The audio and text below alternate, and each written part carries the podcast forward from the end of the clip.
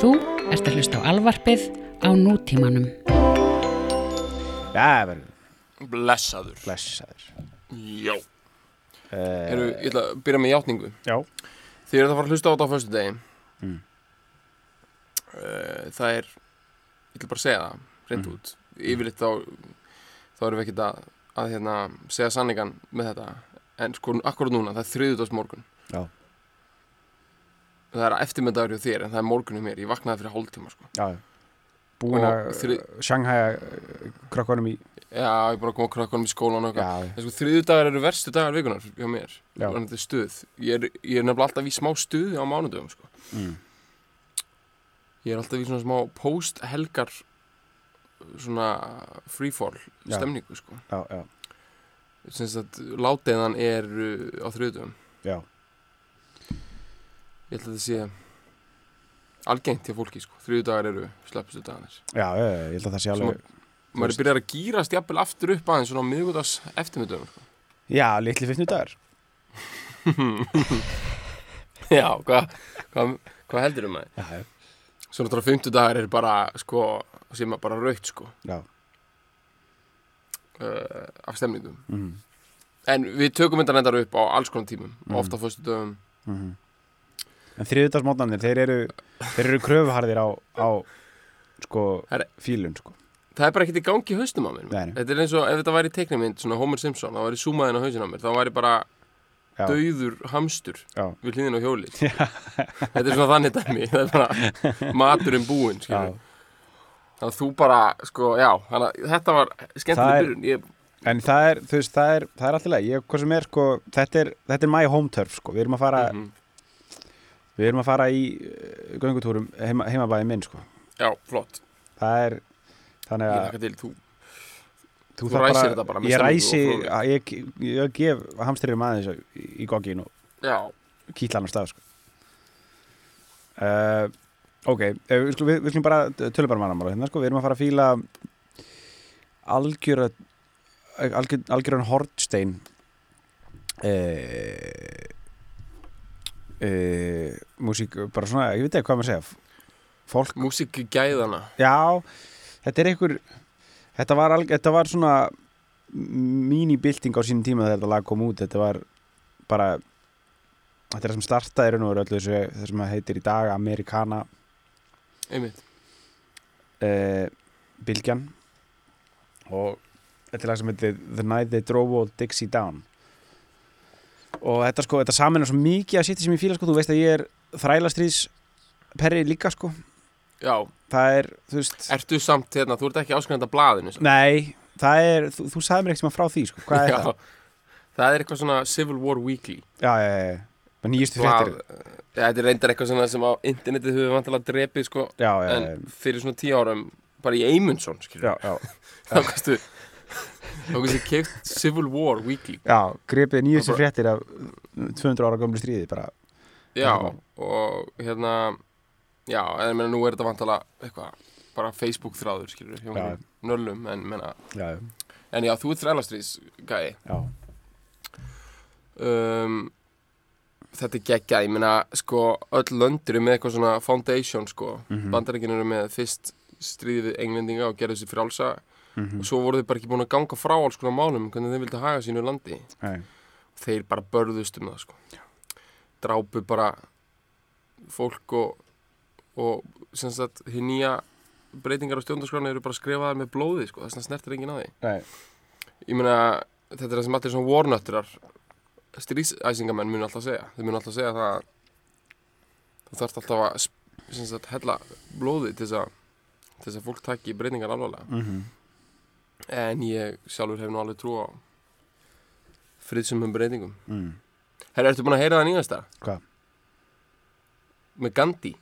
Nei, því að hann er alltaf tekið sem dæmi um svona hvernig var hægt að breyta heilu landi sko á þess að já, já, já, hella blóði. Já. hann er alltaf tekið sem dæmi sko. Og hann hefur verið verið svona scapegoat sko, var þetta það? Hann hefur Já. alltaf verið svona, hvað með Gandhi, hann gætt gert þetta já, já, hann var vist einhver mega drulluhali. Jaha, já, bara einhver svona sko, bara þegar ég heyrði þetta ég var bara, það var bara eitthvað með einhverjar 13 ára frængur sínar upp í rúmi og eitthvað svona kjaftaði sko. já, já, já, og bara svona einhver drulluhala, drulludela dæmi eitthvað svona sem er algjört no-no í dag sko. og uh, auðvitað. Já, auðvitað auðvitað maður má ekki eins og nega gandi í maður nei, nei, nei, það er ekkert heilagt. Þetta er bara allt tekið frá manni já, já, einmitt, einmitt. og um, þannig verður öll þessi saga maður. Þýðir ekkert að setja fólk á stall maður. Þá er bara áskrift að því að verður bara einhver drulludela drasl grafið upp setna sko. mm. það er nú líka svolítið mikið sko, tengist okkar okkar lægi mm -hmm. óbeint sko, því að að þetta lag er mjög, mjög sérsta stöðu þar sem að það er uh, það, það er sagt frá sko, það, það, sögumæðurinn er er, er suðuríkjamaður sem tapaði frelsistíðinu nei, Mhm. þrælastíðinu myndum að uh, og í raun og veru er verið svona svolítið að upphefja svona southern pride eða þetta svona sem að þú veist er yfir er bara og alveg svona mjög justifiably sko litið hortlega, hortlega á sko. Þú veist þetta er, þetta er það er verið að segja sko sögu uh,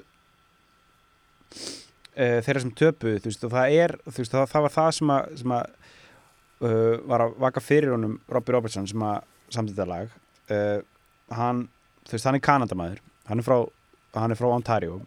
Hann er indjáni hann er hálfur indjóni og hálfur í júði já, frá, ok frá, frá, hana, frá Kanada en maður svona skjóta einu, einu örstuð Já, sko. við segjum bara svona eins og ekki sé þú veist hann er indjáni þegar ég gerði það og kannski kannski bara er það alltaf lægi, ég veit ekki en sko í Kanada þá bara er það bara það er næstuði eins og enn orðið sko. já, uh, þú bara segir það alls ekki sko. Nei, nei, nei. og það er kallað hérna First Nation mm en þetta er svolítið flókjað, þetta er svolítið svipað sem er svarta sko, þetta hefur komið í bylgjum en það var kallað sko, á tímabili var þetta kallað natives, mm. það er ekki held ég það er ekki nógu nákvæmt sko. Nei, og þú náttúrulega segir ekki Eskimo heldur. Nei, nei, nei. En bara Indian, í fyrsta lagi náttúrulega Indian nærum alltaf að vera offensive sko, því þú veist það er náttúrulega nafn bara á annari þjóð sko. Já, en ef þú myndir segja að he's Indian þá bara er fólk ekki að sjá fyrir sér það sem við kvöldum Indiana, það sér fyrir sér Indverja. Já, já, já. Að bara, þannig að þú ert bara ekki að þú veist, ná að tjá þig sko Nei, nei, nei, nei. En ef þú myndir vera eitthvað, no, I'm talking about the guy eitthvað, Raging Og Bull þá myndi eitthvað. Já, já, og þá myndir fólk vera eitthvað You mean the, the First Nation man já, já, já. eitthvað, Þá ert þú alveg bara svona, but wow, kannt ekki, þú veist Við tölum ekki svona, þetta er mjög viðkvæm saga, sko Já, já, Kvöldum já, þetta ekki já. indjána, sko Nei, En á Íslandi, þú veist Það er náttúrulega engin indjánar Þannig að það er kannski ekki búið að reynsa upp tungumáli með þetta En, nei, papar ég kannski. bara Já, hann var hálfur, hálfur papi og, Já,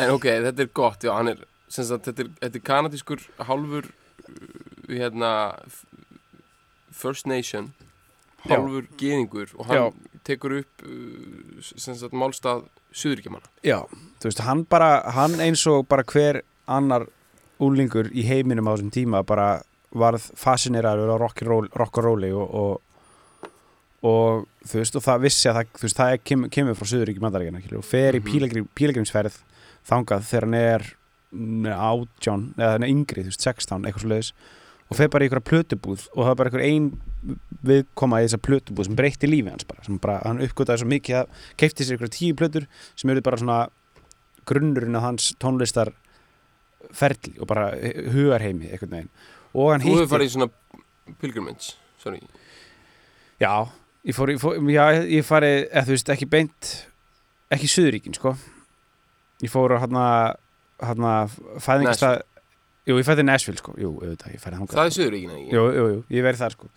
Það var, en það var meira svona jú, það var, jú, það var svo svona pilgrim, pilgrimage dæmi, sko, það var eitthvað svona hanga þar eitthvað með einhvern campfires gítar dæmi, sko Ég byrju, akkur er þetta að spila þetta eitthvað niður ég meina, ég fatt ekki þú, Já. þú fóst fyrst í pilgrimage með fjölskyldunum þinni bara þú varst, já, já, minna það sko. já, einmitt já, og ég og fór- þetta Já, ég fór sko, ég fór í bíl, bílferð frá Washington til sko Graceland sko Já, ég var svona... þannig að þú varst skýrður inn í þú fórst Já. í fyrstu pilgrimsföruna bara in infancy Já, það getur verið. Nei, ég var, ég var sko svona 15.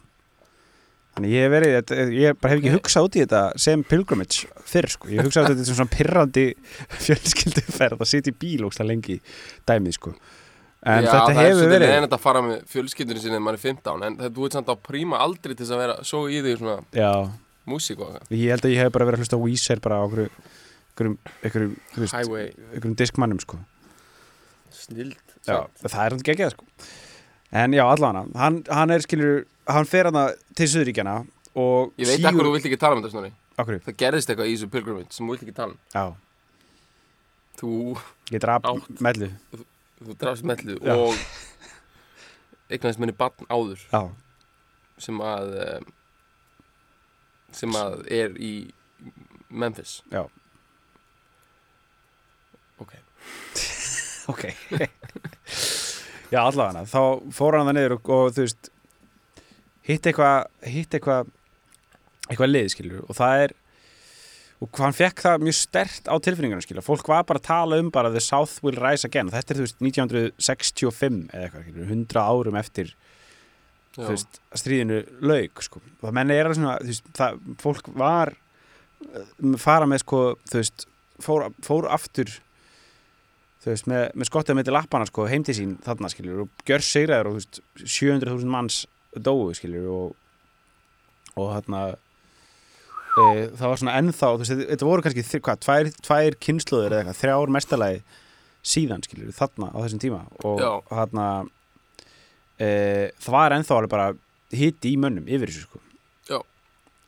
það er svolítið fersk nálgun á þetta, þú veist, þetta er þetta er, þú veist og það Það voru svona þrjár kynnslóðir já, Þetta eru 100 ár tæp þannig að þetta eru Já. svona já, Þetta eru svona afiðin og langafiðin voru, voru þáttangandur já, kannski já, Ef þú varst ungu maður hana Já. Já.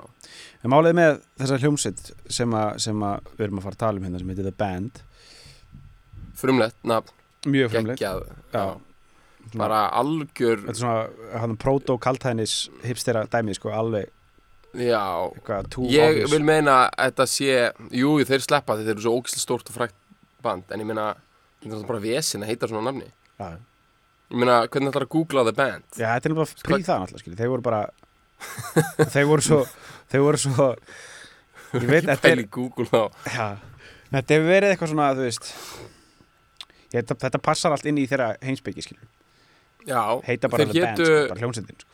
þeir hétu fyrst haugarnir Já, um, sem að er í rauninni frekar ófrumlegt líka. Já, The Hawks. The Hawks það er svona einhvern veginn það er eina ófrumlegra nafn. Mm þú veist, hvað heldur á margar hljónstir að við heitið The Hawks? Svona 20.000 kannski. Það, Nei, hét, nei, það, það voru sko hérna þeir voru, þeir byrjuðu sem, sem svona band með svona rockabilly söngur sem heitir Ronnie Hawkins. Og ok. kallaðir Ronnie Hawkins and the Hawks. Og það, sem, Ok. er, það sem er sem sko þú veist, líkillin að the band er að þetta eru, fimm kanadamenn þetta eru, nei, fjóri kanadamenn og einn southern boy sko. einn Já, nice. frá, einn sem er með the credentials, sko. einn sem er með passan, sko. og allir hinn eru bara einhvern svona cardboard Canada já, þeir eru allir, þeir eru allir frá Ontario, sko. þeir eru frá London uh, og, og Heru, það er hérna, já, London, Ontario Mm. er hérna er, já, er borg hérna stutt frá Toronto mm rétt hjá London, Ontario er Paris, Ontario já, og þetta eru sko, þetta eru arguably sko slöppustu svona karakterlausustu staðir bara í heiminum þetta er alltaf lægi, það eru alltaf lægi alveg staðan upp, skilur fínir eitthvað, fínt líf og eitthvað en þetta er bara svona alveg flatt. Veist, ég hef ekki komið hana, ég þarf þess ekki, skilur þetta er svona, þú getur bara farið á Google Maps og séð bara, þetta er bara McDonalds, drive-in og svo bara hús, útkvöra mm. og eitthvað. Og hérna, ég, var, ég heiti Stelpu frá London, Ontario um daginn. Já, og hún sagði við mig sko þetta er eitthvað svona sem getur gert bara einhverja fókum heimildamöndum sko. Mm. hún sagði eitthvað að hún hjælt alltaf að sko Paris, Ontario væri bara Paris. Já, já, já, og það bara það væri einhverja bakettur og eitthvað. Og hún var frá London, Ontario. Og hún var alltaf hún held bara að maður geti keirt í 20 mínútur til Paris. Já, já, og þetta væri bara heimurinn, skilur. London Paris, þetta fokkin þessi drulla, einhverstaðar í sléttunum, kanadísku Já. sléttunum. Þú veist, þetta er geggja er þeir eru frábær einhverju svona Þeir eru bara frá alveg svona no, nobodies bara, bara eitthvað keftaði keftaði bæðum hana í Já. í Ontario. Og þessi gaur, Ronnie Hawkins eh, þessi rockabilly-söngur kem, kem, þú veist, fer að, þú veist, þetta er, þetta er svona hann er svona miðlungs góður, einhvern veginn þú veist, bara, en samt alveg svona frekar eitthvað trilltur sjómenn og bara gekk alveg, þú veist, ágætlega en var að byrjaði að fara, svo, að hætta að túra um Suðuríkin og fara eftir Kanada, það var bara meiri peningu þar. Það voru, þú veist, þeir voru bara svona aðeins eftir á í, þú veist í, í því að fá þessa ströyma skilu, það voru miklu meiri samkeppni í Suðuríkjunum, miklu fleiri bönd sem að sánduðu nákvæmlega eins og hann, en hann f- ákvað að fara eftir Kanada og byrja að spila þar og, rekrútar bara þetta band, þú veist, í raun og veru bara þess að gaura aha, sem verða bara hægt og rólega hans hljónsveit og hann tekur með sér Lívon Helm einn, að trommuleikaran sem er þessi, sem er frá Arkansas sko. já, og, og Ronny líka var sem surgjamaður og, og trómarinn Ronnie Hawkins og, og, og Lívon Helm voru suðuríkjumenn og þarna fara upp og smám, smám saman verið til þetta, þessi hljónsveit The Hawks.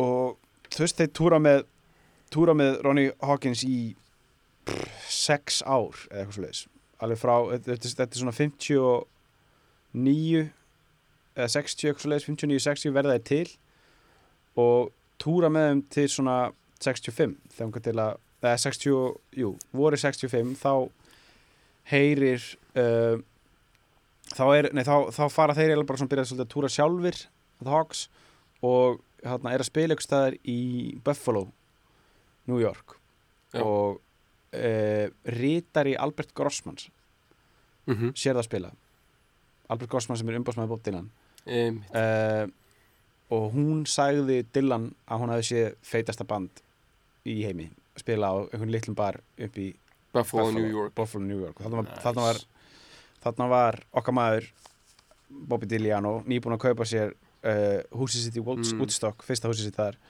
og skellir sér upp yfir og, og tjekkar á þeim og bara ræ, ræður það á staðnum til þess að vera uh, svona hljómsveitir sín þegar hann er að fara á sín fyrsta Þetta er mjög sniðut að, að fá band sko sem að er bara band sem, sem hefur í staðan fyrir að vera að pikka út eitthvað þetta er geggjaður bassalegar, þetta er geggjaður gaur fá bara einhverju gaur sem hafa spilað saman í sex ár Já, nákvæmlega.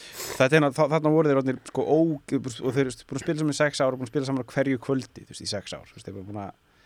að sem voru samgrónir eða ekki Jú, algjörlega, þeir voru bara búin að nýta saman á sér augabrýna, sko. Og bara... voru ekki líka svona skeggjaða típur svona allir einhvern veginn með einhverjar Nei, þarna voru þeir ennþá clean cut, sko, í, í eh, einhverjum checker... Í svona bandstand suits, Já, já, fötum. dæmi, sko. Eh, en, já, Dylan ræði bara on the spot þess að koma og, og spila með sér á fyrsta heims túrnum sínum sem hann er að fara í kjölfarið á uh, hann blondum blond Bring It nei, já, Bring Nei. It All Back Home jú, Bring It All Back Home og, og hann Highway 61 þær eru, þær eru, þær eru að koma bara út á svona sama- 65 þetta er hausti 65 hann spilaði Newport fyrstu hann að Ramax tónleikana sína í júli 65 þetta er svona ágúst. Nei, fyrr, þetta er, þetta er setni part júli eitthvað sem þá. 65, þegar hann er að Hot Sticky Summer. Hot Sticky New York Night. Hann finnur þess að gera og bara þeir spila með honum tveim viku setna held ég að fyrstu tónleikunum sem voru í aukstar í New York fylki líka. Uh, og fara svo með honum á túrum allan heiminn uh, og þar sem er hann að þetta er bara svona þetta fræga dæmi þess að alltaf vera að búa á Dylan og kalla hann Já. og allt þetta dæmi Já. þetta er hann svona fyrsti rafmags rafmagnaði túrin hans uh, eftir þetta þetta er svona þú veist, þetta, þetta vita náttúrulega að hann, hann hættir að túra eftir, eftir hennan túr Dylan mm -hmm. og lendir í þessu móturhjörslýsi og notar það sem afsökun til þess að bara stimpla sig út og kaupir hann að eða setur þá alltaf bara á launaskrá the band, bara til þess að vera nálægtunum, þannig að hann, hann var bara alveg upp tvö, ný, bara, var nýbúin eignast barn með konunni sinni var bara með það þau, þá, þá alla og kæristunum þeirra bara á launaskrá. Voruð Við- þið með skattkort bara á allt Ég býst við því sko. Bara þau voru bara skiluð inn skattkortið til Dylan sko bara, og, og þau voru bara með þá uh, í vinnu við að- chilla. Og Þeir er voru, þeir örgulega, þeir voru allir með skattkort Það var samt búið að skera út svona hluta af sömu skattkortunum já, og, og rúlla nota jónur úr þeim. Já, og, nákvæmlega sko. Og það voru svona búið að dýfa smá hún í LSD hluta af skattkortunum og já, kviknaði og já, sveppa olju og, og skeina sér á einu líka. Já, Þeir voru bara brátt í brók sko. Samt voru þeir með skattkortin, já. voru svona einhvern veginn að þeir eru kanadískir sko. Já, já. Þannig að þeir eru alltaf með pappirinn á hreinu En þeir voru samt, þetta var am- stóðtæft Mhm. Ok. svona verður þessi hljómsveit til í raun og veru, þeir eru þarna þú veist, það er þeir eru búin, Genesis. Já líka það sko, þeir eru sko og svo þannig endaði með því að vera bara á launaskrá í húsi rétt hjá Dylan í næstu í tvö ár þú veist, í eitt og hálft ára eða eitthvað svo leiðis bara að chilla. Og hann kemur eiginlega hverjum degi svona upp úr hádegi og þeir spila eitthvað saman inn í kjallar og úr því verður þarna The Basement Tape sem er annað frækt nördadæmi sem við erum eftir að taka ég ætla bara að getum það dæmi, Ok, við skulum geima en sem er er, er basementið, er það í Big Pink? það er í Big Pink sko. Það er, það Það, er, er húsið þeirra, það er húsið þeirra uh, og það s- partur að þið tekið upp í húsinu hans Dylan uh, og partur að því hjá þeim. Langstæsti hlutin tekin upp hjá þeim Herru, Big getum við talað um eitt bara Við viljum ekki tala um basement tapes En getum við talað um örstuð bara að hvað Dylan var samt þráttur allt fór í mikla kreppu á þessum tíma þannig að þegar hann byrjaði að vera málari Já, Getum já. við bara aðeins Getum við verið sammála um það að það hafi ekki alveg gengið? Nei Sko hann, hann sko hann byrjaði að fara á eitthvað svona þetta, þetta, þetta er gott shit sko hann er sko hann er, hann er aðna og það er eitthvað svona old timer svona grjót heiðalegur listmálari, gamall kall sko. Meitla, með meitlað andlit sko. Var hann samt svo gamall sá? Að því að hann átti börn sem voru á svipum aldrei á Dylan eða ekki? já, hann hefur verið Pablo Picasso að það í ykkur Já, ok, Assistant, hann var, sko, hann, var, hann var kannski svona 60 já, já, já, kannski. Hann var ekkit eitthvað nýraður eða eitthvað, nei, nei, sko. nei, nei, hann hefur kannski verið svona 60 eða eitthvað svo sko. Já, um, og hann var að kíkt, byrja að kíkja yfir í kaffi og, og ræða listmálun og, og, og eitthvað svona og byrja að fara að tala um eitthvað sko þetta, hann talar svolítið mikið um þetta í Chronicles til hann, maður sé ekki því? Hann tekur, jú, þetta, ég, tekur þetta vel fyrir þar sko. Þess vegna vil ég gera þetta aðeins upp sko. Ég Já. veit ekki alveg með það sko. Já, já, þetta hann fór að tala um eitthvað svona línulega frásögn í í öllu, þá var að tala um þú veist, hvernig, hvernig málverki getur verið þú veist, margir tímar í gangi í einu og marg þú veist og og, uh, og Dylan fór að, þú veist, að reyna, að pæl, reyna að koma því inn í sínar skilur hugmyndir. Og náði því hún ekkert út fyrir en á blótanum tracks, þú lögum eins og Shelter from the Storm og svona það sem að, það að sjónarhörni og nútíminn og, og ein- eintal og fleirital og allt er að breytast og allt að gerast einn ein tíma lær, það er mjög cool og hann lærði örgulega margt úr myndlist en Já. hann sem myndlistamæður já, sökkar. Já, ok, það er það sem ég vildi já, já, fá já, já, við veitum alveg saman um það, sko. Já, að því að sko, ég er alveg á því að því það er svo sorglega að sjá sko gæða eins og hann sem er sko alveg alveg cutting edge sko í músík. Já. veist, hann er að gera bara það sem engin annan að gera alveg. Já, svo þegar hann verður málari þá, þá er hann einhvern veginn svona hann hefði bara getað gert svona George Bush og gert einhverja vasslítamyndir af einhverju húsi og það Já. er alltaf læg en það er svona að að reyna að vera með eitthvað ferst Já. og hann er þrjá, hann er með svona 40 ára gamlar hugmyndir í gangi. Já, já, hann er svona hann er bara eh, ógeðslega langt frá því að vera ferskur. Já, en hérna ég er búin að nefnilega vera að læra um myndlist sko. já, já. ég, ég er alveg, á mér er sprungin sko. eða þú veist ekki sprungin, hann er bara búið að snúa, ég skil þetta allt núna sko. Mm. ég, hérna ég dyrka uh, myndlistar menn sko, og þeirra nálgun, þú veist, ég er loksins búin að fatta akkur þeir eru alltaf svona nettir og sniðir ok, og hérna, ég með því líkar hugmyndur um sko um það sko ok hvað er að tala um? Við erum að tala um sko, er, kannski við erum að tala um þetta sér einhvern sko, Mm. ég held að hérna sko, ma- margir myndu segja að myndlissi í svona ákveðinni kreppu af því að þú veist, þú ert ekki lengur að fara að gera eitthvað málverk og kannski vantar eitthvað svona eðlilegt space fyrir myndlist, svona gallerí dæmi er svolítið svona kannski svolítið svona staðnadæmi þar að segja svona setur fólk ekki í rétt mindset en þú getur ítt hlutum áfram með myndlist sem þú getur ekki gert í neina öðru af því það er í rauninni margmiðlun sko. þú veist, í myndlist getur þú verið með músík og þú getur verið með leiklist og þú getur verið með hérna, grafík, skilur þú getur verið með allt í einu og þú getur líka verið með viðbyrði þú getur verið með, þú veist þú veist, þú getur sótt að fólki frá svo mörgum hliðum. Mm. og ég, hérna ég er að reyna að sjá fyrir mér eitthvað svona dæmi þar sem að sko, þú nærið að miðla sko, ég lappaði fram hjá fastegnarsölu um daginn, af því hún er rétt í húsinu mínu og hún er nýopnuð. Og það eru ykkur gaurar, þeir eru sko þeir eru sko spólgraðir, einhvern veginn í símanum þeir eru alveg trilltir að ringi einhverjum bjöllum og eitthvað, það er ógeðslega mikil orka og ára yfir þessari fastegnarsölu og þeir heiti eitthvað, bla bla, eitthvað real estate eitthvað og það er bara, þetta eru gaurar sem er að græða ógeðslega mikil pening og þeir eru svona algjörðu dicks, skilur og í samfélaginu okkar, þá leifum við bara einhverju svona dóti, svona eins og svona fastegnasaladæmi að vera bara eitthvað sérdót sem við hugsum að við föttum ekki sko að veist orkan sem er í þessu það er hægt að koma henni til skila sko á profound hátt. Og þú getur ekki gert það nema genið myndlist. Þú veist, þú ert ekki að fara að gera plötu sem að miðla þessu. Þannig að ég fekk svona hugmyndum sko myndstaverk sem að næri einhvern veginn að ná þessu svona fastegnasala drulludela dæmi svona einhvern veginn inn í svona, á svona, í svona profound dæmi sko. Ok Ég veit ekki hvort að myndi þá lappa inn í gallery space þar sem þú ert svona eins og inn á fasteignarsölu Ég held að þetta sé jafnvel aðeins dýpri en það sko. Já. Já, Um, það verður að vera dýpri en það Þú ert að fylgja mér smá, eða ekki? nei, ég er að fylgja þér sko. Ég er alveg Já, að fylgja þér, ok. já, já, já, Ég er bara svona að reyna að hugsa upp átt sko. Þetta Já. er eitthvað Og það er ógislega margt fleira svona sko Þú veist, í samfélaginu. Það sem er eitthvað svona fárlega mikil orka sem er alveg að springa út Eða eitthvað, eitthvað svona fagurfræði, skulum frekar segja Eitthvað svona aesthetic force. Svona rhetorical force Bara yfir einhverju. Og hérna Og við höldum bara, já nei, list næri ekki við þetta. List getur ekki bara túlkað þetta. Það er bara að kæfta þetta, list getur bara að kæfta þetta Og við erum bara komin svo ótrúlega mikið í svona silo thinking með þetta. Og ég held að sé, ég held að sé stutt frá revolution í list og það verði í myndlist. Mm. ég held að verði bara áðurum við vitum að verði bara uh, þá munum við sjá alveg fullt af hlutum alveg þverugt eins og þetta alveg upp, á, upp á nýtt en þetta var útudúr, hérna, við tölum um þetta betur senna sko, Ok. við þurfum eiginlega að vera með sér podcast. Um myndlist. Um myndlist. Dýrka. Ef við verðum með podcast um myndlist. Ég er svo, ég er svo spenntur fyrir pæningunni að vera með podcast um eitthvað sem ég veit ekki raskat um. Já, já, já, og ég og Dóri, DNA, við erum alvarlega að spá um að- að starta bílapodcasti já, bara að því það er svo góð pæling. Já. bara, við erum að tala um eitthvað.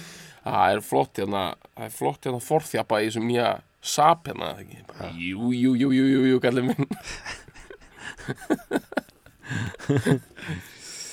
Við verðum að gera það sko. Það er gott. Heru, við erum að meina, þetta er geggju saga af hvernig band verður til og já, Bob Dylan menn, ég meina þeir eru bólufræðinir þessi náungar, þú veist, tölum mannamál, þeir eru skýtur sko.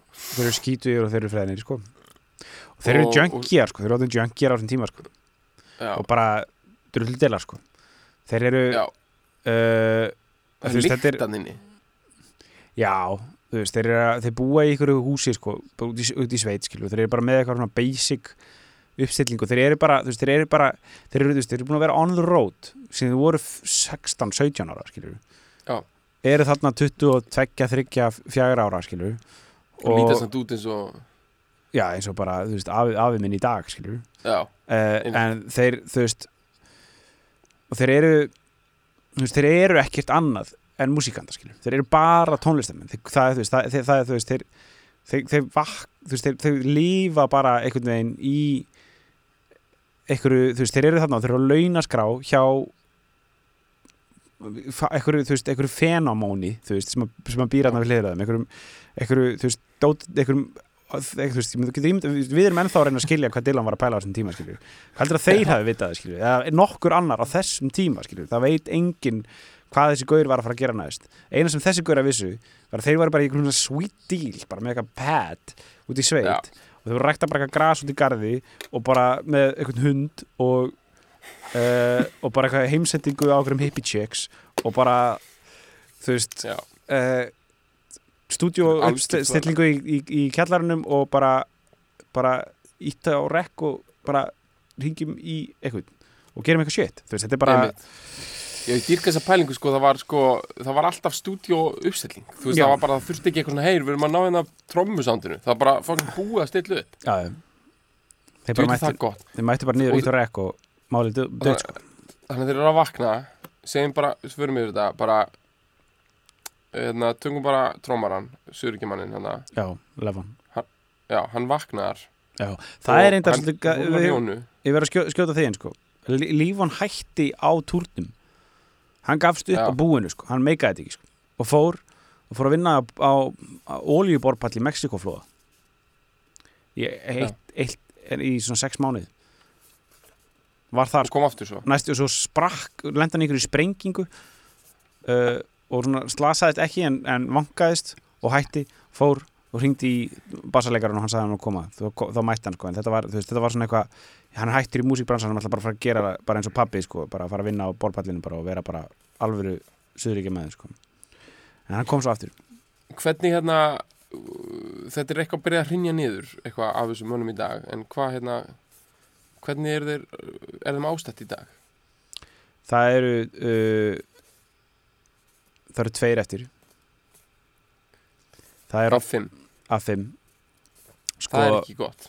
það er ekki gott. Það er uh, Robbie sko Robbie Robertson sem er aðal lagahöfundin, gítalegarinn og svona leiðtói hljómsveitinnar uh, og sem getur komið að eftir sko er svona drulldeila element í honum sko. Hann, þetta er gamla góða publishing dæmið sko, hann tók hann smelti co-write eða, eða bara höfundarétti á allt sem þeir gerðu sko það er svona Já. átti mjög stóran þátt í því að þeir, þeir hrundi í sundur á endanum sko Robbie Robertson er ennþá að lífi hann býr í LA og er bara besti vinnur hans Martin, Martin Scorsese og er að vinna með eitthvað svona Já, ég veit það. Hann Eitthvað hefur sko. bara átt geggjaðan fyrir og, já, hann er, og er hann bara með gott hennur og svona. Já, hann er flottur sko Og svo er Garth Hudson, hann að hljómbósleikarinn sem lítur út eins og svona einhver skóar uh, uh, tröll Hann, hann tórir það. Hann tórir sko, hann er bara, þú veist, hann var aldrei hann var bara, hann var bara, þú veist, basic einhver gaur sko sem hann var, þú veist bí, hann býr bara ennþá í Woodstock og er bara flottur sko Já.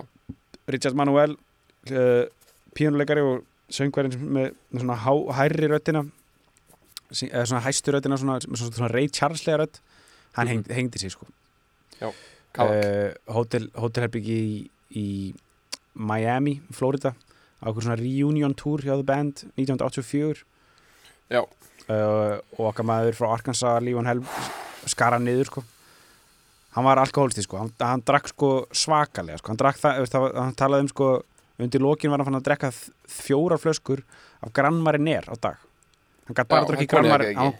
Nei, það er svona appelsínu líkjör veist, Já, já, hann var ok. bara, líkamann hans var bara farin að hafna öllu nema bara einhverju ógið, einhverju svona Það svona ömmu drikk. einhverju ömmudrykk, þú veist. Þeir enda hann allir í sherry og konjaki ég veit það, það er bara eitthvað svona bara sig sigur og áfengi, eitthvað Ossi var bara í konjaki sko. Já, hann drakk bara hana uh, hvað heitir það hana? En, en sko bara örstuð fyrir mig þetta og við erum ekki að glóri fyrir að segja neitt hérna sko. Ég er Nei. bara að segja að svo rosalegustu döðdagarnir í Rocky þá er við bara svona þú veist, æ bara wow, þessi draumur virkilega breytist í martröð Mhm. það er þetta, það er hótelherbyggið í, Miami í, í já, var þetta nei, Miami? nei, þetta var ekki Miami, þetta var Tampa Nei. Florida. Nákvæmlega, Tampa, Florida, sagt, það er hótelherbyggi í Fuck You America, sem Já. sagt Fuck You Will America, bara einhverju bæ Já. sko, Scott Weiland hann dó Já. einhverstaðan í Minnesota, eða ekki eitthvað svo leiðis bara einhver staðar, skilur bara eitthvað fyrir utan bara veist, eitthvað stop and shop, sko já, í Minnesota Já. og hérna söngvarinn í Boston já, hann, hann skaut sig, það ekki? ég held hann hafi hengt sig já, já, uh, í einhverju hótelherbyggi bara, þú veist, hann var átti bara að fara að performera, þú veist, á einhverju svona bara æ, skilur bara einhverju svona opnun í einhverju molli, skilur já, í einhver staðar í Massachusetts Já. skilur eitthvað svona þannig dæmi, sko var bara enn hótelherbyggi og, bara sig út, sko Já. Og og það var ekki, það var alltaf frétt. Þetta var eitthvað svona á bylgjunni, nei, hér sjáum við að söngarinn í uh, hljónstinni Boston er látin.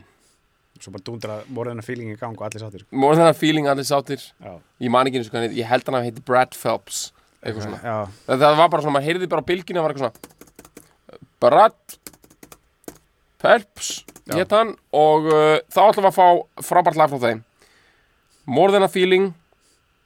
Þarna var aldrei svöllur á þeim. Já. Einu sinni var gaman hjá þeim. Já. Þetta er rosalegt maður. Ég veit það sko. Ég meina Þetta er Scott að- Weiland var allavega bara í þú veist, það var aldrei, það var aldrei gaman hjá honum. Nei, nei. Hann sko Þessu rosa- þú veist, þessi, þetta er líka sko einmitt, þetta er að þetta er, svo, þetta er sko, hann er 42 ára skilur 84 hótelbar, þú veist, þau voru í alveg að spila okkur svona stóru hóteli í, í Tampa í Florida. Hann var bara með eitthvað, eitthvað nýskilin við konur sína með eitthvað svona unga kæristu með sér veist. Og hann fer í styrtu hengið og með belti og hengi sig, hengi sig skilur, bara eftir eitthvað tónleika bara eitthvað svona án þess að hafa neitt rætt, eða þú veist, það var ekkert eitthvað svona sást ekkert á honum þannig séð. bara, Bara blind fullur og rugglaðar bara, já, kláraði sig og svo, svo, er, svo er hérna hann Rick Danko bassalegari hann, hann var að kera fullur í Woodstock á þessum tíma sem við vorum að tala um hérna bara, og keiriði út af uh, og klest á tré. Hann og Richard Manuel voru eitthvað svona bíla eltingaleg og eitthvað hakkaðist í bakinu og uh, bara var að á, á, á, og svona í recoverinu frá því byrjaði hann að taka heroin og var bara heroin sjúklingur, svona clean heroin sjúklingur eða, hann var junkie, hann var junkie í svona tíu ár og svo svona clean svona sjúklingur þú veist, svona, þú veist, Svona það- sprauta já, bara, var bara sprautaður þú veist, með heroini, bara sprautaði sig með heroini uh, Ógist að sorgleitt maður. Já, og svona funksjónal heroin sjúklingur í eitthvað, hann dós á 94 eða eitthvað svo leiðis, skilur bara, Sko það er bakið sem að gera menna heroinistum Af því að uh, Það var maginn sem fór með- það var mægin, sko, það hjó, Cobain, já, en hann var samt með ba- back pains sko. Líka, var, Já, hann var með back pains Þannig að Þetta var náttúrulega, hann var náttúrulega eðlilega byrjaði á heroinni út af, þú veist, andlir vanlíðan og fykti og búlsiti bara, þú veist, bara Já. áður en hann var frægur, skilur já, já. En svo var hann eitthvað orðin clean, svo var hann í Róm, var það ekki? Jú. 93 eða eitthvað og, og þá fekk hann eitthvað back pain og fór að taka morfín og var bara strax komin á á uh, heroin já, og, og var bara síðan á því og draf sig hérna í mars eða eitthvað 94, apríl apríl já Mm. og hérna þannig að það var talað um að það verið bakið sem að bakverkir eru eru það sem drefur rockara Já. uh, heroinni er í rauninni hliðar já, það er bakið sem það er bakið sem fer með á sko. Já. um, hérna þetta er náttúrulega þvílíki sjúskarar þessi körrar sko. já, the band, þú veist maður heyri það á músikinni við, sko, við, við ætlum að stýra umræðinu meira aftur í músikina þú heyri það í lagi eins og fílum í dag heyri það í þeirra frægasta lagi eða svona hérna, The Wait. The wait, og bara atrið þeirri plötu þarna. Já, sko það eru þeir eru ógeðslega æfðir og góðir og geggjumúsík og, og svona ógeðslega flott band en þeir eru hérna þeir eru þunnir sko. Já, langþunnir sko, þú veist þá ég við þeir eru ekki eitthvað svona að það var djammi gær, senda SMS hérna og bara, og gaman, þeir eru meira svona bara wow, ég er búin að vera fullur í fokkin fjör ár sko, já, já, og Það bara hjarta mitt er opið. Já, já. þannig það er þunnir dæmið sko, þeir eru, þeir eru bara með- þeir eru svona þeir eru Lægandi. svona að vinna með svona uh, þú veist svona, svona þingu tremma sko bara Mhm. sem varanlegt ástand sko og eru með bara opið blæðandi hjarta sko en það er Mhm. líka það skilja eins og eins og þú veist það sem er einkennandi, fyrir þetta band skilju er að hversu þeir eru svo, þeir eru svo, veist, þeir eru svo afslappaðir í því einhvern veginn liggja svo ógeðslega vel í því að vera hljónsveit einhvern veginn, þeir eru svo, veist, það er allir með svo stert uh, karakterengini, sterk karakterengini það veist, Mhm. það heyrir svo ógeðslega vel í öll, eða það er allir svona, veist, þeir syngja bara svona eitthvað einhvern veginn til að búið til rattanina sínar einhvern veginn sem verða bara eitthvað svona Já, köku og einhvern veginn trommuleikarinn er með svo geggjaðslega einkennandi sound og bassalekarinn er með einhvern veginn ógeðslega einkennandi sound og einhvern veginn, það eru allir með alveg bara svona það syngur enginn eins og hver einn, einn af þeim einhvern veginn, það er bara svona, þeir verða einhverju svona veist, þeir eru bara búin að vera svo ógeðslega lengi að spila rockmusík og eitthvað alls konar dót.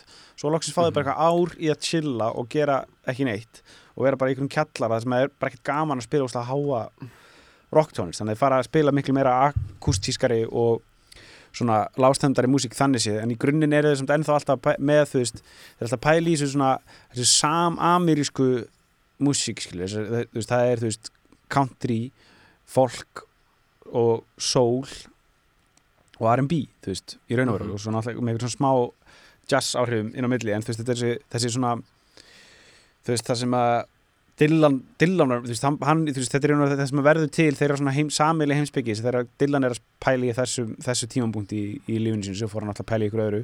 En þeir heldur svolítið svona áfram þessu, þessum, á þessum uh, vegi, sko. Það er þessi svona gamla skrýtna Ameríka, sem þú finnur í uh, það sem þú finnur í sko, þú veist, gömlu folkmúsíkinni bandarísku, þú veist, sem þú finnur í Appalachian folkmúsíkinni þar, sem er svona talum um skrýtna hluti og svona bara og verður til eitthvað svona skrítin þú veist, hugarheimil sem þú heyrir úslega mikið í basement tapes og svona. Mhm, og þessi samblanda af í raun og veru bara svona, já, folkmúsík spiluð með, þú veist, þetta er svona folkmúsík í grunninn, spiluð með eitthvað svona soul R&B áherslum, þú veist. Og það verður til eitthvað svona hljóðheimur sem að bara er algjörlega einstakur, sko. Er ekki, er ekki Going to Acapulco, er það ekki á Basement Tapes? Jú, Sko, af því að það var, hérna, náðum ekki að spurja á Facebook síðinni hvo- hvort að við fíluðum hérna I'm Not There, Dylan-myndina og ég svaraði, sko og af því að, sko, ég, mér fannst þetta bara fín mynd til ég sá hana eitthvað, svo hef ég búin að horfa hana aftur og aftur, mér finnst þetta, sko, mjög góð mynd, sko. Ég hef ekki séð hana síðan bara hann í bíó, sko. Hún er fáranlega góð út af því að hún er, hérna, kaplinn sem að Richard Gere leikur Dylan. Já. er myndran útfarsla á nákvæmlega þessu sem þú mást segja. Þessu svona skrítna hérna, Appalachian, eitthvað svona hugarheimi sem er í músikinni sko. Já, já, og þú manst eftir atriðinu það sem að er verið að syngja Going to Acapulco það er, er það ekki að ég man ekki hvað hljómsveit tekur það ég Já. þekki ekki, er það Fleet Foxes? eða? nei, það svona- er hérna My Morning Jacket já, já, einmitt, einmitt það er því að þeir eru vinir hérna, hann og söngarna þar Já, My Morning Jacket tekur þetta og Já. það er eitthvað svona eitthvað, eitthvað líka einhverju stelpu upp á sviðinu í Já. líkistu og þetta Já. er bara allt ógeðslega skrítið eitthvað svona málaðir sebrahestar og eitthvað svona þetta er bara fáránlega myndrænt dæmi og hérna mér finnst þetta sko vera mér finnst þetta vera að virka sko Mhm. mér finnst þetta vera svona svo vá mann er komin inn í þetta er svona lítur þessi músík út Mhm. ef hún er að gera að mynd og þú veist og, og fleira hana í þessari mynd sem að er að ganga upp sko Mhm. Og hvernig hann að Richard Gere er að leika Dylan hann er ógst lost allan tíman sko. Hann veit ekkert hvað er að gerast. Svona lappar um í þessum heimi sem hann er bara búið til og er bara ringlaður sko. Já, já, uh, ég held nefnilega að því þú varst að tala um aðan hana, að þeir voru á launaskrá og Dylan bjóði næsta húsi og þeir voru bara hvað er þessi snillingur að hugsa núna? Sko ég held að eina rétta svarið er sko Dylan vissi það ekki sjálfur. Nei, nei. Og það er það sem er cool, hann var bara á gráasæðinu sjálfur og hann var bara uh, veist, hann var bara að experimenta. Og hann bara brunaði áfram svo ógeðslega hratt skilur, að bara, hann náði ekkert að bara catch up with himself, sko, hann var bara ekkert neginn já. En ef hann náði einhvern tímann að hæja, hæja þá var það hann að, kannski aðeins setna sko, hann, hann er allavega hann er aðeins byrjað að hæja á ferðinni hann þegar self-portrait og New Morning kemur út. Já, en hérna en þetta er um, þetta er geðveit sko og svo Basement Tapes, já, sem við ætlum að geima náttúrulega, já, við geymum hún er tekin um 68 eða ekki það sem er Næstu. 67 í raun og veru Já, en verður ekki sko Já, verður ekki svona verður ekki þekkt eh, verður ekki svona virkilega þekkt fyrir einhvern tímann á meðri sjöunni Mhm. Já, hún kemur náttúrulega ekki út formlega fyrir 75 held ég eitthvað leiðis. En hún, hún er búin að vera í dreifingu síðan alveg 69 sko. Ég alveg svona mikill í bútleg dreifingu sko. Já, En allan, ég held að við ættum að setja sko stopp við, við forsögu the band núna sko. Hún sé, sé nokkundum einn komin og færa okkur kannski að læginu sem við erum að ætluðum að fíla ok sko. Jú, Ok, byrjum bara, ég, ég kom aðeins að þessi í byrjun sko. uh, Hvað við erum að tala um þetta er, þetta er lag sem að heitir uh, The Night They Drove Old Dixie Down. Þetta er plötur nummer tvö með The Band. The Band eru nýbúin að gefa út plötur sem heitir Music from Big Pink sem að nekla sem er að Big Pink er húsið sem að, sem að Dylan legði handaði í Woodstock. Og, mikið af músikinni var til þar er, það er, held ég, það er tvö, uh, nei það er eitt Dylan cover og eitthvað svona svo, svo eitthvað bara þessi, þessi, þessi heimsbyggi þessi, þessi sem við búum að tala um á hann þessi svona uh, blanda saman af, af fólk eða svona fólkmúsík með þessum rock R&B uh, áherslum. Og þarna hún gekk ógslag vel, bara fekk mjög góð dóma en þau voru ekki ennþá fannir að spila live þau voru ennþá bara í einhverjum svona einhverju millibils ástandi og voru jafnvel eitthvað, jafnvel áttu þeir að taka upp meira með Dylan, þú veist, það stóð alltaf svona semi til að þeir myndu ta- fara inn í stúdíó þú veist, sem þeir gerðu í raun og veru aldrei, fóru aldrei almennilega inn í stúdíó fyrir, fyrir setna og hann og svona, jafnvel allir þeir að vera að tour support með honum eða eitthvað svo leiðis, hvernig sem það myndi vera. En svo kemur að því bara þeir eru að gera plötu nummer tvö. Og þá uh, vilja þeir sagt, viðhalda þessu, þessu eins og þeir kölluðu club, clubhouse uh, setupi sko, sem var þetta sem við vorum með í Big Pink sem var bara, þú veist, ekki fara inn í stúdíó heldur taka eitthvað upp bara í einhvers konar rýmir sem að, þú veist, væri miklu afslappaðar og engin, engin að horfa klukkuna eitthvað svoleiðis sem að var mm. á þeim tíma algjörlega óþekkt pæling, skilju, það gerði þetta engin þú veist, á þessum tíma, þetta var bara Mhm.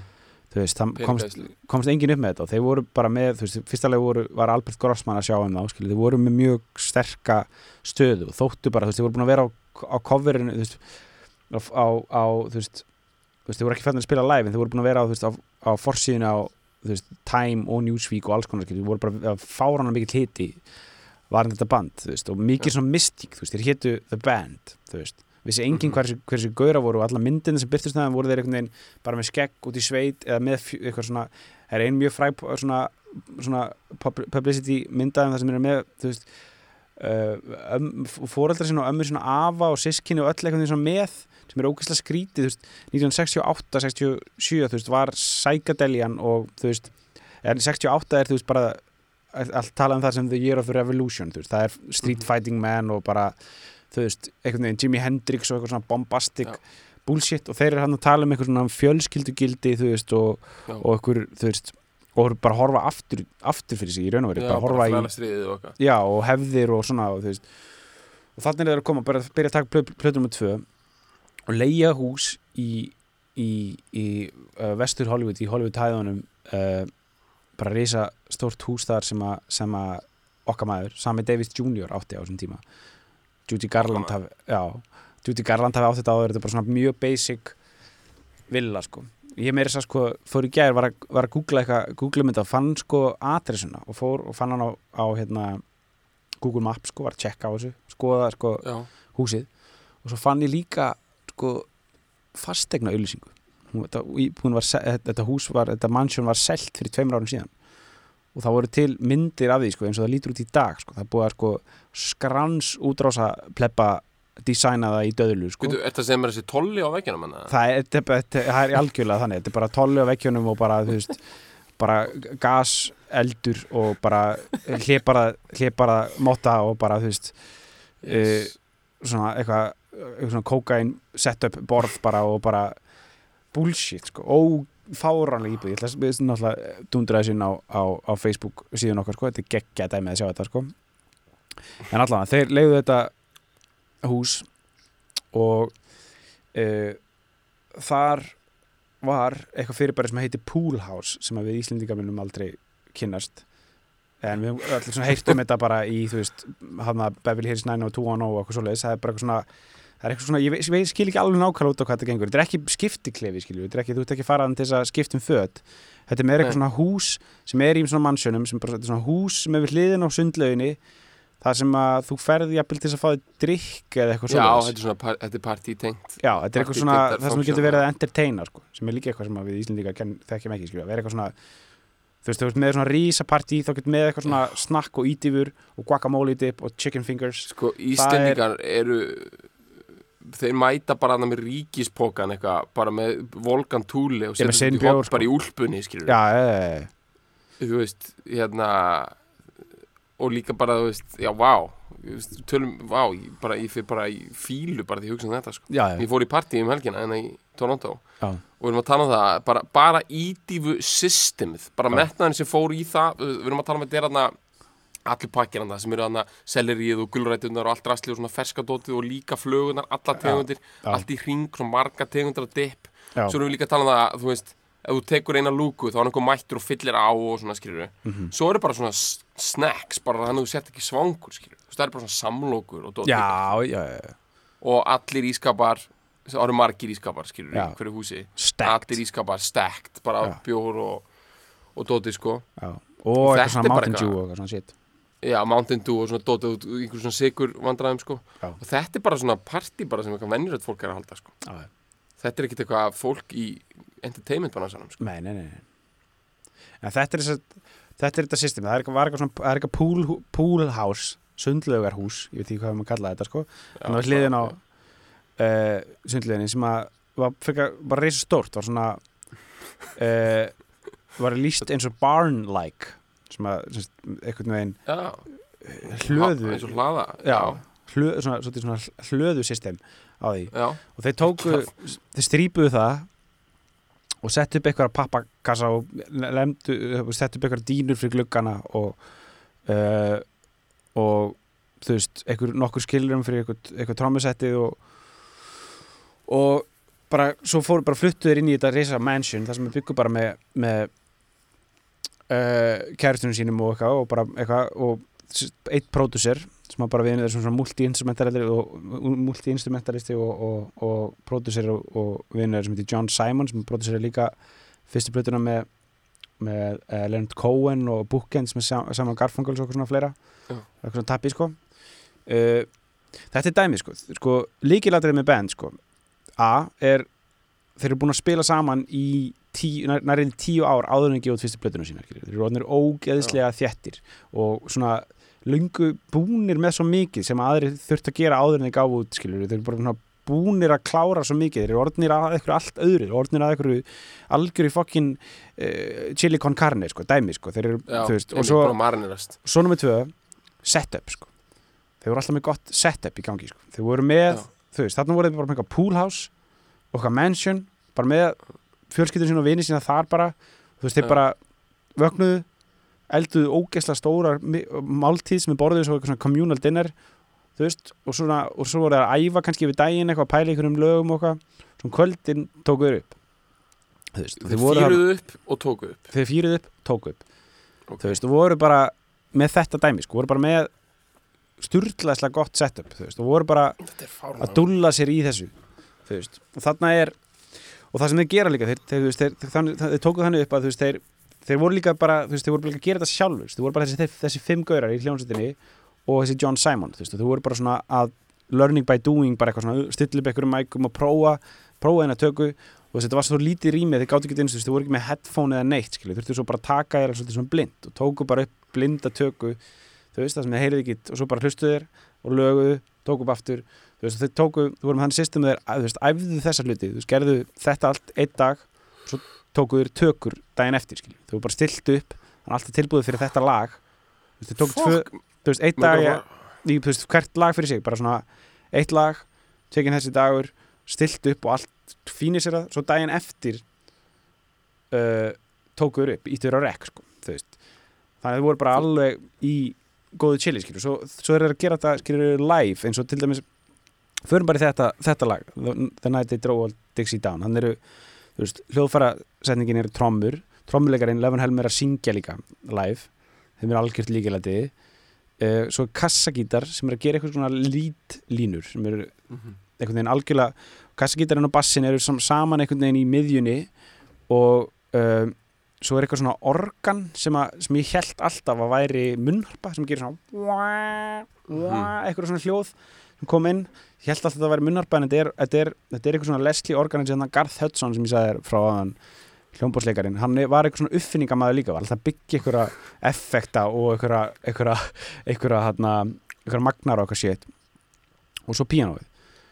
Uh, og þetta er allt saman tekið upp í sama herbygginu í, veist, einni tökku, þú veist, ég held að sé jú, en uh, það er uh, ég held að samt kannski, jú, nei, ég held að allt sé bara, allt sé bara live, kannski hvort það sé overdubað svo einhver trompet partur.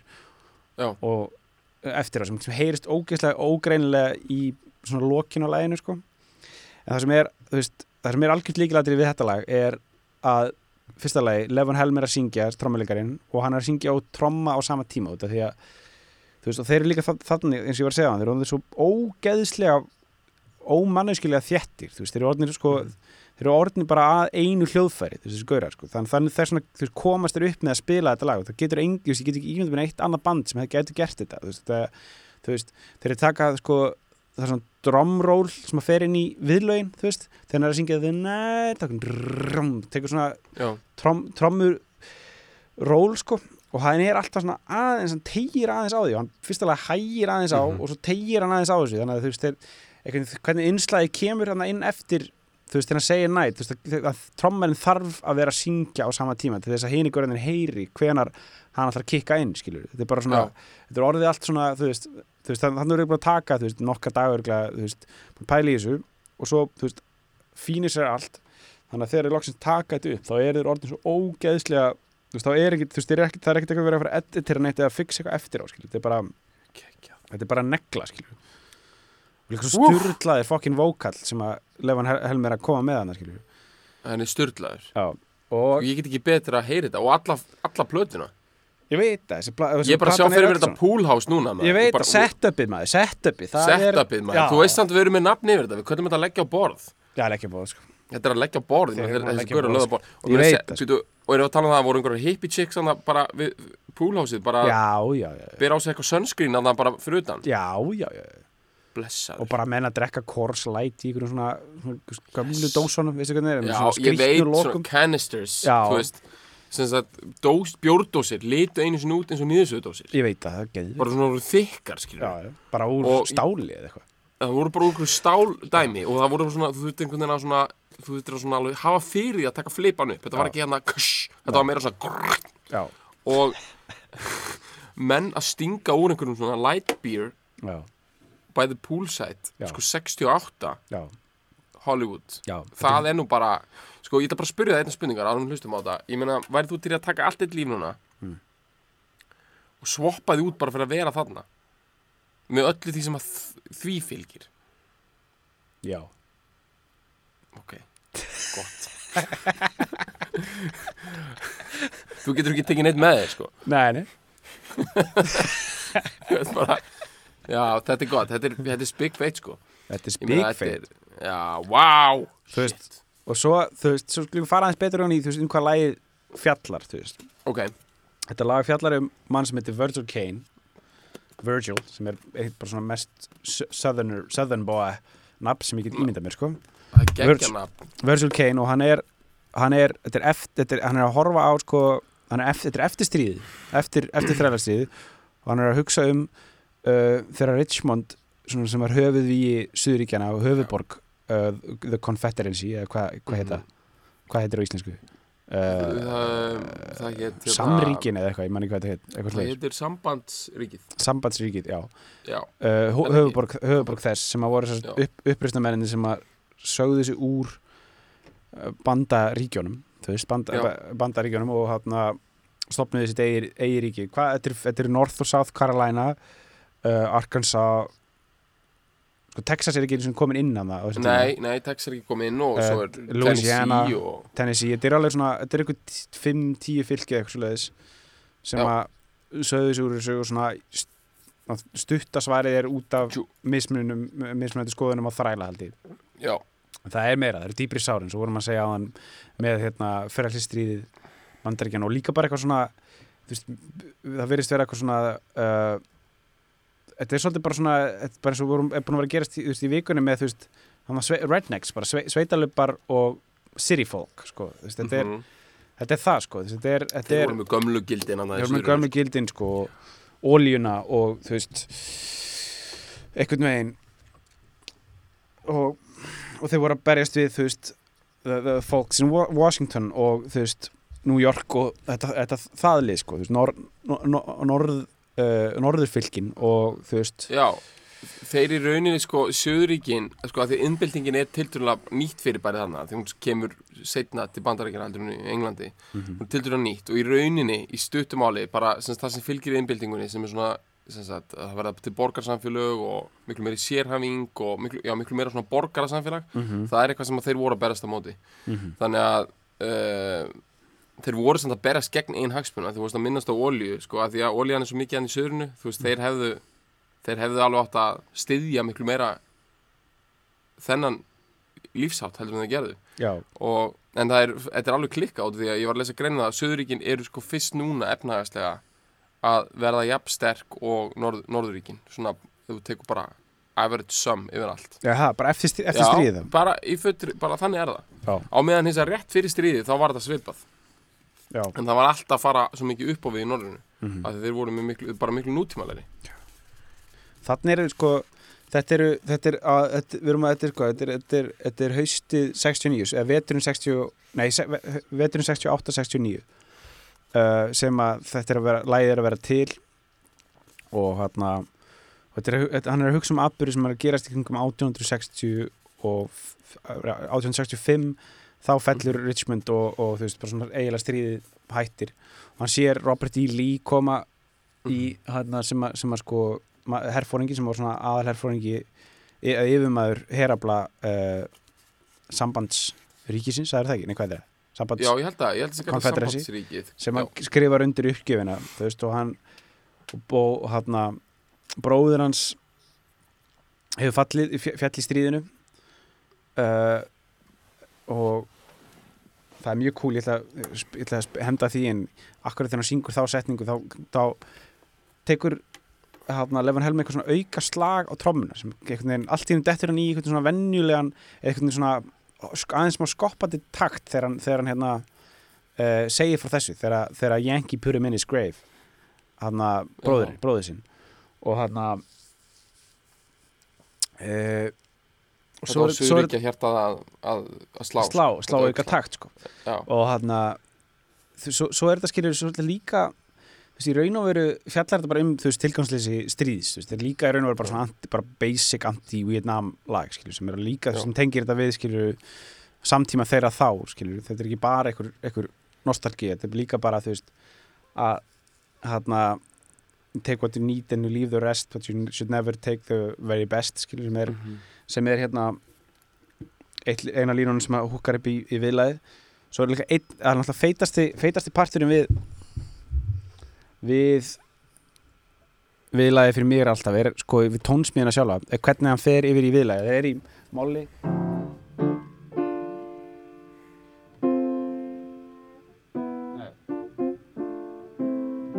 tekur hann sko fer hann, hann fer yfir í, hann fer í dúrin sko. She never had taken Nei, byrju. Ég man ekki. Já. Hann er í móli Never have taken the very best. The night Já, einmitt. Tekur, fer út í að mólinu og fer í, fer í dúr rétt fyrir viðlæði sko Já, Það er algjör húk það er sko. gæsa húð Það er Það er húð gæsa húga gúmmelaði sko. Fokk, þetta er gott maður þetta er svo Gleyma geggjað, hvað þetta er gott lag maður Þetta er geggjað fokking lag sko. Þessi trom, trommu, þessi trommu ról sjá þessum wow. neglu meistara sko, lífa hann sko, hann er, hann er fáranlega sko. Ég, ég, ég, þó, ég get ekki hlusta á það Við, við ætlum ekki að spila. Nei. Hlustum geta bara Já, ég spila það samt já, það en, spila það samt. En Það er haldið fyrir eirun Abatin ykkar. Þeim ég ekki skilið að heyra þetta. Nei, Þetta er of mikið konfekt. Þetta Já. er bara Það er bara, það eru jólin eða ekki? Við ætlum að spila þetta á jólunum.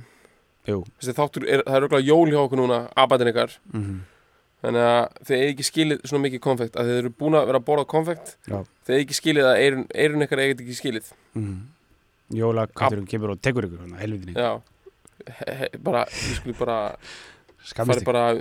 skammist ykkar bara. Það er málið, bara, maður verður bara að skamma sín þegar maður heyrir svona lag, þetta er allt Já. og gott sko.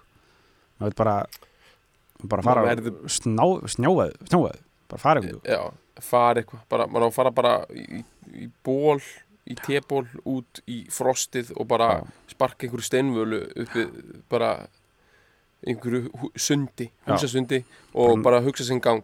Bara ná sér í lúnabólgu og fokka sér sko. Já, bara líða illa. En vel, líka svo, ó Já, svo vel það er Ó, út því já. að lægið er svo gott þannig að mann verður að líða illa á móti. Annars lendir maður í allsælu sem er uh, sem er síking hugans. En ég held að við ætlum bara að leifa Uh, Kanadamönunum og uh, Arkansas boy að taka þetta og segja okkur sögun af Virgil Kane. Gæli Jól. Virgil Kane is a name and I served on the Danville train. Till Stoneman's cavalry came and tore up the tracks again. In the winter of 65 we were home just barely alive. By May the 10th, Richmond had fell. It's a time.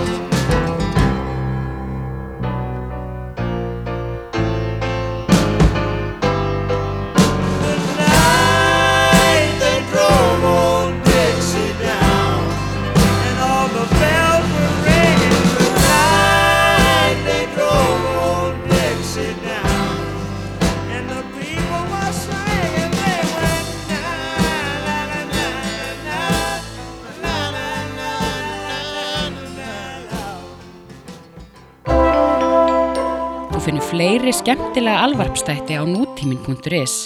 Takk fyrir að hlusta.